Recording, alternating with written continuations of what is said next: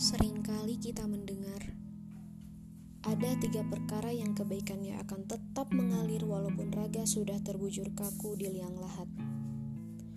Ialah anak solih yang mendoakan, amal jariah, dan ilmu yang bermanfaat. Namun, bagi insan yang belum dipertemukan dengan jodoh, siapa yang bisa menjamin diberikan umur sampai menikah? Mendapatkan keturunan, atau bahkan berhasil mendidik keturunan solih yang senantiasa mendoakan?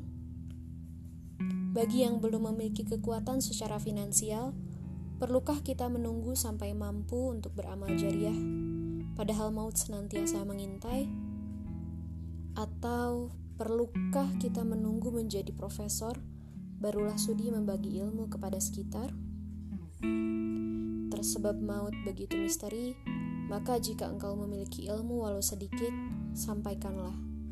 Jika engkau memiliki pengalaman dan pembelajaran yang bisa dibagikan, maka sampaikanlah.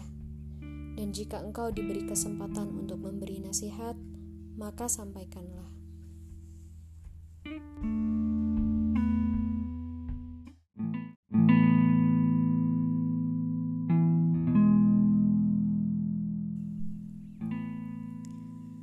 Pada suatu saat, saya dihadapkan pada kondisi yang cukup dilematis.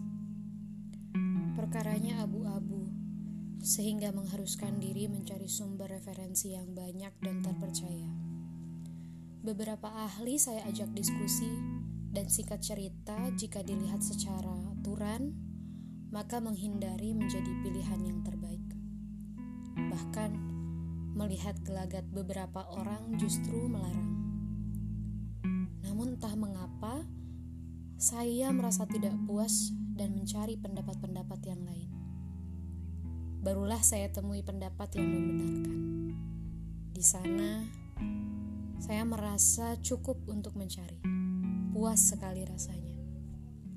Namun beberapa waktu, saya mencoba kembali melihat ke dalam diri sendiri.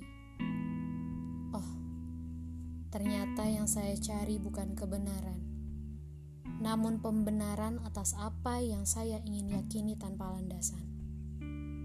Maka kembali, jika memang kebenaran yang dicari, jangan biarkan nafsu mengambil bagiannya dalam sanubari.